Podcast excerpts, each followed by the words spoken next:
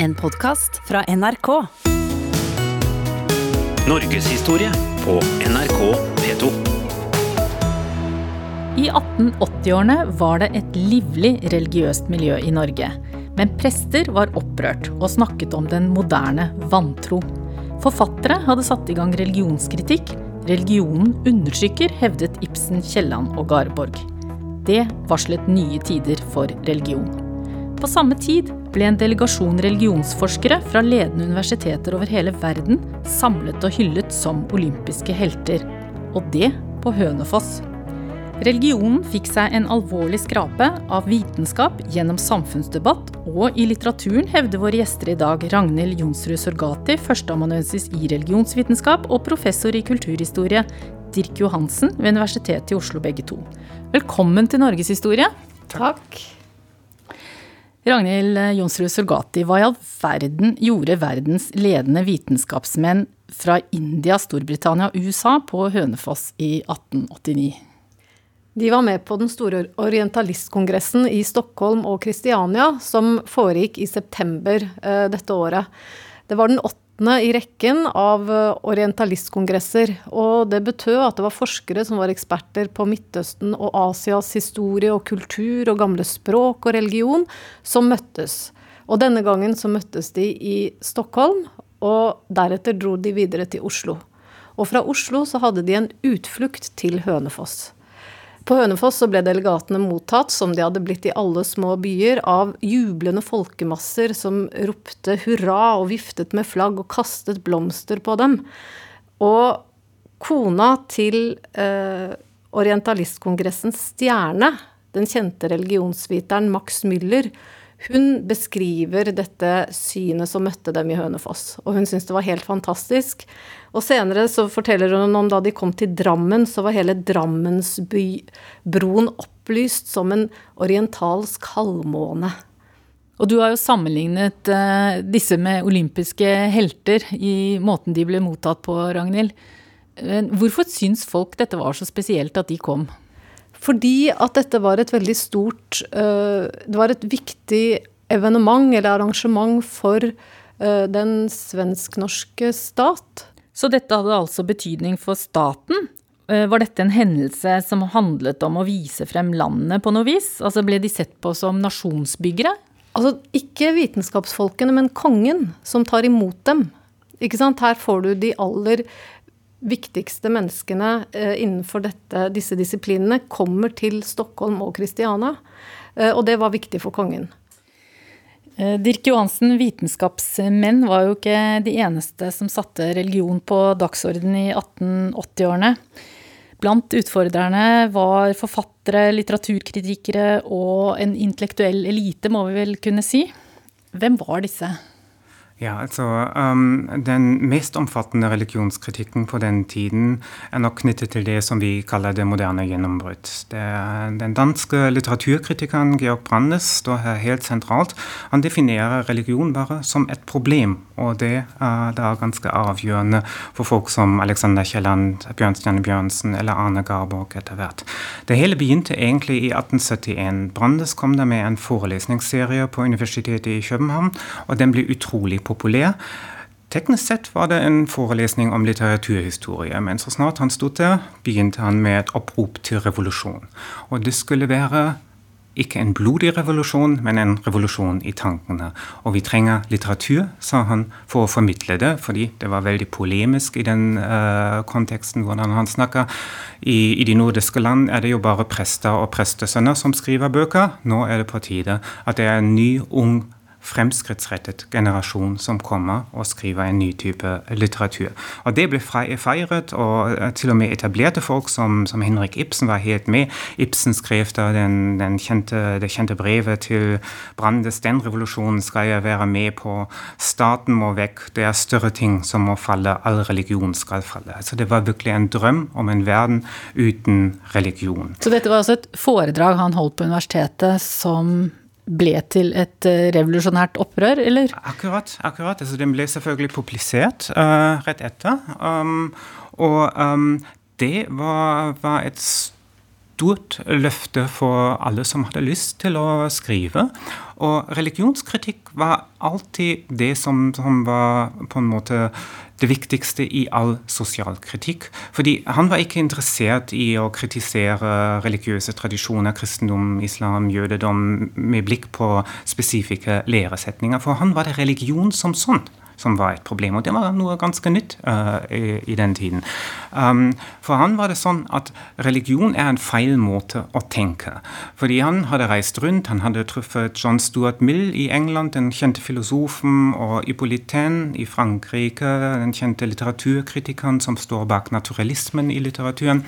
Og så hadde han lært av dem at mennesker fungerer sånn at vi opplever verden, og vi lager ideene basert på våre opplevelser. Vi knytter dem sammen, og så tolker vi uh, verden. Men så kommer religionen inn med guder og djevler og ånder og alt mulig, og de ødelegger disse, uh, dette klare den klare empiriske måten vi tenker, og kommer med uh, vilkårlige elementer. Plutselig er alt annet. Og Da sier han dette er det problemet med religion. Man begynner å tenke vilkårlig, og da kan religion f.eks. brukes til vilkårlige politiske tiltak for å argumentere altså for undertrykkelse og sånt. Derfor må religionskritikk alltid komme først.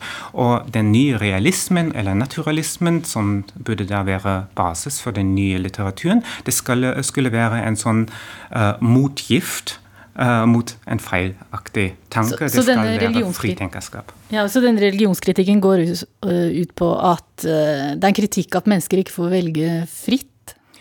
det er absolutt, absolutt, det. Altså, det er på en måte veldig psykologisk tenkt fra begynnelsen av at menneskene Eh, som har blitt, kommet i kontakt med religion eller er oppdratt i religiøse tradisjoner, har ikke lært seg å tenke fritt, som han kaller det. Så det Georg Brandes gjør, er at han oppfordrer forfattere til å ta fatt i religionen? Absolutt. Det er uh, virkelig det viktigste. Um, det viktigste, den viktigste motivasjonen bak det moderne gjennombrudd. Den moderne tiden som Brandes ser foran seg, det er en tid uten religion. Hm.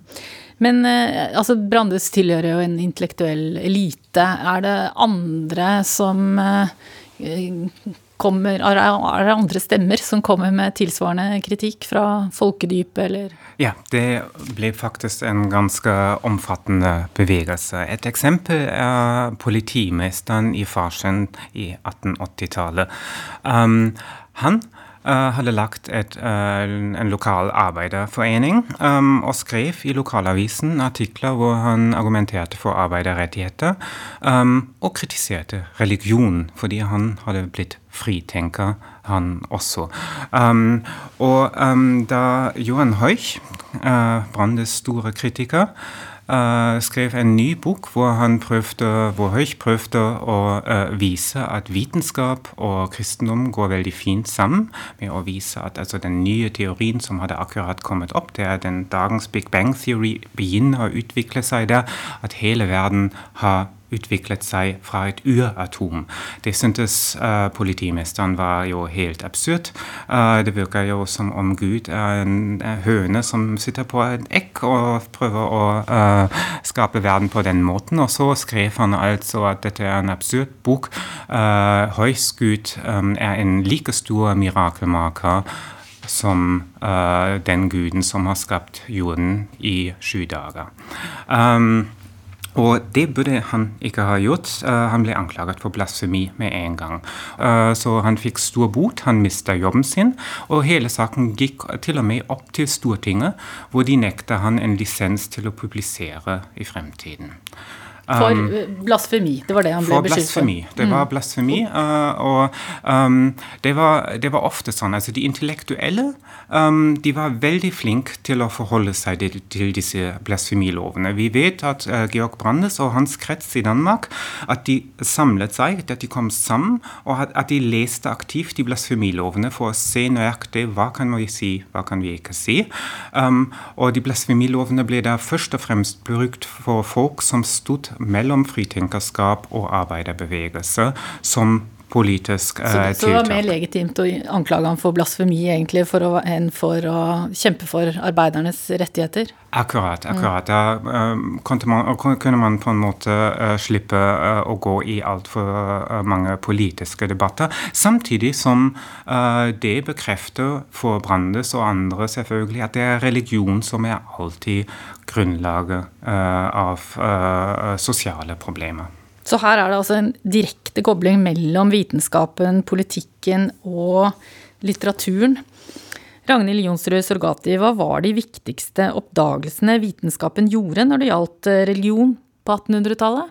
På 1800-tallet så ble det gjort store vitenskapelige funn, både innenfor eh, geologi, filologi og biologi. Man fant ut at jorden var mye eldre enn det skapelsesberetningen i Bibelen sa. Eh, man fant språk som var mye eldre enn hebraisken. Man fant Darwins evolusjonsteori utfordret jo direkte skapelsesberetningen på syv dager. ikke sant? Eh, og også menneskets plass som midtpunkt i verden. Eh, så du får mange bevegelser, og dette skjer jo ikke bare på orientalistkongressen i Stockholm og Kristiania. Dette er jo eh, De bygger bare videre på, på vitenskap som allerede er gjort. Og dette er jo også perioden for den historisk-kritiske bibelkritikken. ikke sant? Sånn at det, er, eh, det vi ser, er at dette er en periode, andre halvdel av 1800-tallet er en periode, en brytningstid, hvor mye skjer. Altså det er enormt stor utvikling, da. Men det som skjer på denne kongressen, er jo at denne kunnskapen samles, og at de deler kunnskap, utveksler det de kan. Ja. Så dette var stor stas å få disse vitenskapsmennene på besøk? Det var meget stor stas, og også vitenskapelig veldig viktig, fordi eh, bokgavene f.eks. til kongressen som ble skjenket kong Oskar 2., det var mer enn 3500 verk. Eh, hvorav de fleste ble oppbevart i biblioteket i Uppsala, men 500 sendt til Kristiania. Så dette, dette satte Ehm, Skandinavia som periferi ikke sant, på vitenskapskartet eh, globalt. Og derfor så var det veldig viktig. Og hvorfor det er viktig for religionsvitenskapens historie i Skandinavia, det er jo at noen av de aller viktigste eh, forskerne innenfor denne tradisjonen, de som ble sett på som grunnleggerne av disiplinen, de var til stede på denne kongressen. Altså disiplinen, da mener du religions... Religionsvitenskap, som er det komparative studiet av religion. Et ikke-teologisk studie av religion. Du lytter til serien Tro og tilhørighet på NRK P2. I dag snakker vi om hvordan religion møtte det moderne samfunnet på slutten av 1800-tallet.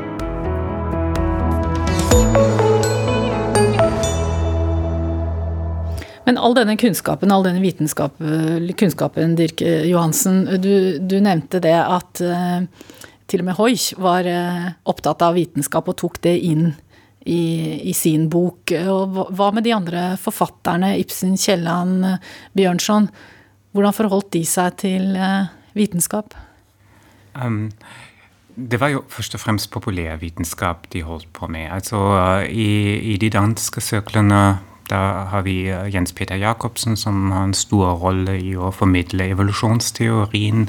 Og det var særlig sånne ting som kunne også brukes i religionskritikk samtidig, um, som uh, spilte uh, en stor rolle. Samtidig som de, de prøvde å følge med med store vitenskapelige utviklinger i alle, egentlig alle europeiske land. Um, men i den litterære virksomheten er vitenskapen kanskje uh, mindre uh, viktig. Da er det først og fremst den uh, psykologiske betraktningsmåten. og Hva mener du med det? Hva, hva betyr det? Um, altså, Hvis vi ser på um, hva um, som skjer etter at Georg Brandes har kommet med, med sin grunnleggende kritikk av religionen, da er det jo forfatternes jobb plutselig og formidle den kritikken i form av romaner og fortellinger. Um, og De fant et ganske enkelt skjema for å gjøre det om og om igjen, og det kalles for fritenkerfortelling. Uh, eksempler finner vi f.eks. i Arne Garboks En fritenker fra 1878, senere i Bjørnsens Støv, i Alexander Kiellands Gift, um, og i mange norske, danske, svenske varianter kommer disse fortellingene. Og de um, begynner da gjerne med en ung student som skal studere teologi. Og så har han studieopphold i Paris eller i Tyskland, og der blir han kjent med religionskritikken. Han leser David Friedrich Strauss, som forklarer at kristendommen er bygget på en myte, f.eks. Det var Bjørnsen veldig opptatt av. Eller de leser Feuerbach, um, at det er den menneskelige fantasien som skaper Gud. Og så vender de tilbake til Norge som fritenker. Og da er det selvfølgelig altså, sånne fortellinger de trenger jo litt konflikt og litt sånn romanse. Og um, hva de gjør, er at så snart han er hjemme, forelsker han seg. Og selvfølgelig, det er prestedatteren han er ute etter. Um, og da hadde man altså masse konflikt og masse plass til religionshistoriske debatter mellom fritenkeren og presten, som ble fremstilt veldig uh, ironisk og ofte på en veldig morsom uh, vis. Men han klarer aldri å overbevise de religiøse. Altså Bjørnsen f.eks. skriver i Støv at det, det virker som om det er to forskjellige raser, de troende og de ikke-troende. De kan ikke kommunisere med hverandre. Um, og så uh, får det en sånn trist regning, egentlig. Og så det, det er en pessimistisk slutt på det? De har ikke noe tro på at denne religionskritikken deres vil slå igjennom? Det, det, er virkelig interessant å lese disse romanene, og jeg har lest veldig mange av dem. Det er først veldig morsomt, og så veldig deprimerende. Det viktigste er jo alltid prestedatteren, og her viser forfatterne egentlig hva som er problemet uh, med religion. Kvinnesaken og religionskritikken de går virkelig uh, helt sammen. Prestedatteren tror fordi hun er oppdratt til å tro, um, og hun bruker det for å drømme seg bort fra sin uh, undertrykkelse. Men så oppstår det konflikt, og egentlig har det vært hennes oppgave å handle nå. Hun burde gjøre en avgjørelse. Men med all den vilkårlige tanken som kommer fra religionen, klarer hun mindre og mindre å skille mellom realiteten og drømmeverden, den religiøse drømmeverden. Og um, Disse forfatterne kaller det gjerne for en religiøs feber, uh, som er virkelig en sykdom. Religion blir til et sykdom. Uh, hun mister grep på realiteten. Hun klarer ikke å handle i det øyeblikket som er avgjørende, hvor hun kunne bestemme seg for et liv uh, hun Så det, dette er altså det felles budskapet i denne litteraturen. Men, men, dette er jo litteratur. Hvordan får dette betydning for, eh, for samfunnet, eller i samfunnet? Blir det debatt, eller? Um, Arne Garborg sa veldig fint at um, uh, filosofenes tanker de er alltid abstrakte. Det er forfatterne som gir konkrete bilder og konkrete mønster, prototyper, på en måte. Det skulle være prototyper, hvordan man kan leve, man, at man har nye idealer, hvordan ateistiske, fritenkerske personer klarer seg i livet. Og de skulle inspirere folk å, å, å gå i den samme retning. Mest kjent er selvfølgelig Ibsens Nora um, som stiller spørsmål. Jeg vet jo ikke engang hva religion er, men jeg skal finne ut om det, og om det er riktig for meg. Og det er også noe som Arne Garborg senere sier. Religion er et valg. Du må ha et uh, reflektert forhold om det, og disse romanene skal hjelpe deg å finne det. Og så avgjør du selv om det er det riktige for deg eller ikke. Men hvordan reagerer, uh, hvordan reagerer Eh, presteskapet på, dette, på denne kritikken? Um, presteskapet gikk selvfølgelig hardt ut uh, mot uh, disse intellektuelle. Men um, de hadde på den tiden allerede klart å ha et utrolig stort europeisk nettverk. Uh, Anne Garborg, Bjørnstjerne Bjørnsen, Ibsen uansett, de var jo kjent i hele Europa, på samme måte som, som Georg Brandes. Så det var store navn, rett og slett, som kunne gå ut ganske hardt mot religionen. Um, uh, og det polariserte selvfølgelig hele samfunnet, særlig i Norge, hvor de konservative da ble plutselig nødt til å være enda mer religiøse. Uh, og de uh, liberale uh, ble nødt til å være veldig religionskritiske. Og da oppstår det en, en god del uh, komplekse politiske forviklinger uh, i den prosessen. Ja, og Det presteskapet og embetsmennene er redde for, er vel et, eh, en moralsk oppløsning og et samfunn som ikke ikke da er i tråd med, med kristendommens lære og dogmer? Akkurat. Altså det er sosial oppløsning og uh, ja, mangel av verdi uh, i samfunnet som, som, de ser foran seg.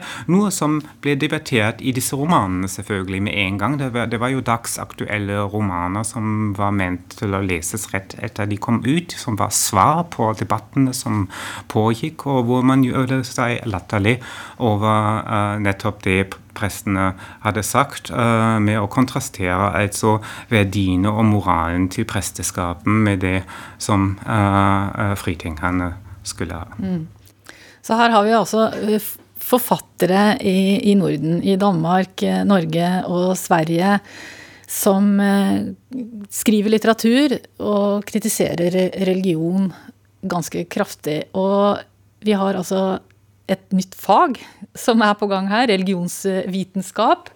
Eh, som blir eh, nærmest etablert på denne orientalkongressen, eller kanskje tidligere. Jeg vil ikke si det akkurat så enkelt, eh, men det er klart at Max Müller, som da var stjerne på kongressen, han som holdt avslutningstalen til kong Oskar 2., og var en av kongens åtte privilegerte gjester, han blir altså sett på i faghistorien som religionsvitenskapens far. Eh, og det som var hans prinsipp, det var at han tenkte at det var en form for eh, bevissthet om det uendelige som var felles for alle religioner. Og derfor så var det så viktig at man måtte kjenne mer enn bare én hvis man skulle forstå hva essensen til det religiøse eller til religionen faktisk var. Så det jeg tenker er veldig interessant da, ut fra denne samtalen vår, det er at på slutten av 1800-tallet så fragmenteres samfunnet. Altså der hvor du før hadde en mye mer eh, mon monolittisk stat, da, ikke sant, I, i, uh, i, Norge og Sverige med protestantisk kristendom uh, som hovedretning, uh, så får man på slutten av 1800-tallet en, en, fragmentering. Det som sosiologene kaller for en funksjonell differensiering, hvor ulike samtid, samfunnsdomener Eh, spres, og der hvor religionen før kunne ha betydning for økonomi, for lovgivning, for, eh, for, litteratur og for kunnskap, for universitetene, så fragmenteres det opp i ulike seksjoner. Og det er vel et typisk eksempel, ikke sant? at vitenskapen går én vei, Teologien går en annen vei, litteraturen går en tredje vei, og så politikken og jussen en fjerde og femte vei. Mm. Og det er, det er, på en måte det er sekulariseringens uh, kjerne, og den begynner i, i, denne perioden. Så du får individualisering av religion. ikke sant? Den går inn, og der er romanen et supert sted for å gå inn i det ø, psykologiske ø, synet på mennesket. Kan vi si at Norden ble en sentral arena for eh, religionsvitenskap og religionskritikk i litteraturen? Det kan vi godt si, og jeg tror grunnen til det er litt sånn paradoks. Fra 1870-1880-tallet av eh, hadde forfatterne uh, og intellektuelle et veldig sterkt følelse at de, at de, bor i periferien. At de store ting skjer i England, i Frankrike, i Tyskland, i Russland. Og at man sitter litt sånn ved siden av. Men hvis man ser f.eks. på tidsskriftene som ble publisert på den uh, tiden, um, uh, f.eks. Den norske samtiden, da um, kommer artikler om nye religiøse bevegelser i Russland ved siden av artikler om ny forskning fra England og politiske debatter i Tyskland. Altså Man får veldig mye med seg og begynner å tenke disse ting sammen. Særlig begynner man å tenke de store religionskritiske bølgene i Europa sammen. Man tenker den tyske Feuerbach sammen med den franske Renan og den engelske Spencer. Så de nordiske forfatterne er sterkt påvirket av de intellektuelle bølgene som fins i Europa? Akkurat. Og de leser altså på, på tvers av nasjonale tradisjoner. Og um, dette uh, tror jeg er en stor styrke um, etter hvert. Um, og det gjør også, altså for de forfatterne gjør det, at de kan uh, skrive bøker som virkelig adresserer en europeisk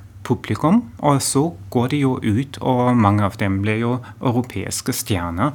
Nettopp av den grunn? Fordi Nettopp, ja. uh, altså de, de, de, klarte å skrive sånn at uh, dette var attraktiv og tidsaktuell i mange forskjellige uh, europeiske land. Og også i vitenskapen, med den, den, tidlige religionsvitenskapen, har faktisk veldig dype røtter i de nordiske land. Så, så disse forfatterne, de norske eller nordiske forfatterne, de har en formidlende funksjon? De sender ut igjen det de har tatt til seg fra europeisk litteratur og filosofi?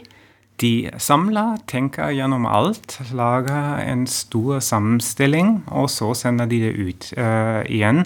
Og um, det hadde uh, stor innvirkning, ja. Jeg tenker at Det som er interessant med denne perioden, det er igjen disse nettverkene. ikke sant? De er transnasjonale, de er transkulturelle og de er transreligiøse. Ibsen var i Kairo ved åpningen av Suezkanalen i, i 67. Uh, eh, han leste Spencer. Spencer ble også lest av egyptiske kvinner som er blitt kjent som feminister. Så det er, dette, er, dette, er, et nettverk av intellektuelle som er rett og slett transnasjonale og går beyond the Nordic countries, for å si det rett ut. Så, ja, så ledende forfattere og vitenskapsmenn for den saks skyld, de, de satt ikke her på berget isolert. De var godt orientert om hva som foregikk i resten av verden. Og de fikk resten av verden hit som Orientalistkongressen i Stockholm og Oslo uh, faktisk er et vitnesbyrd om. Så da ble Norden satt på kartet på den måten også? Norden ble en arena for uh, kunnskapsutveksling?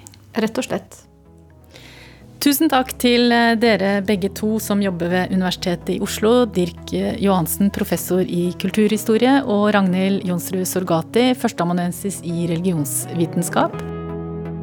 Ansvarlig for denne sendingen er Ane Bjølgerud Hansen. Teknisk ansvarlig er Dag Bakker. Jeg heter Ellen Katrine Lund.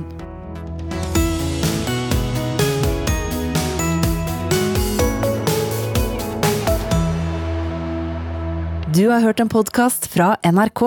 Hør flere podkaster og din NRK-kanal i appen NRK Radio.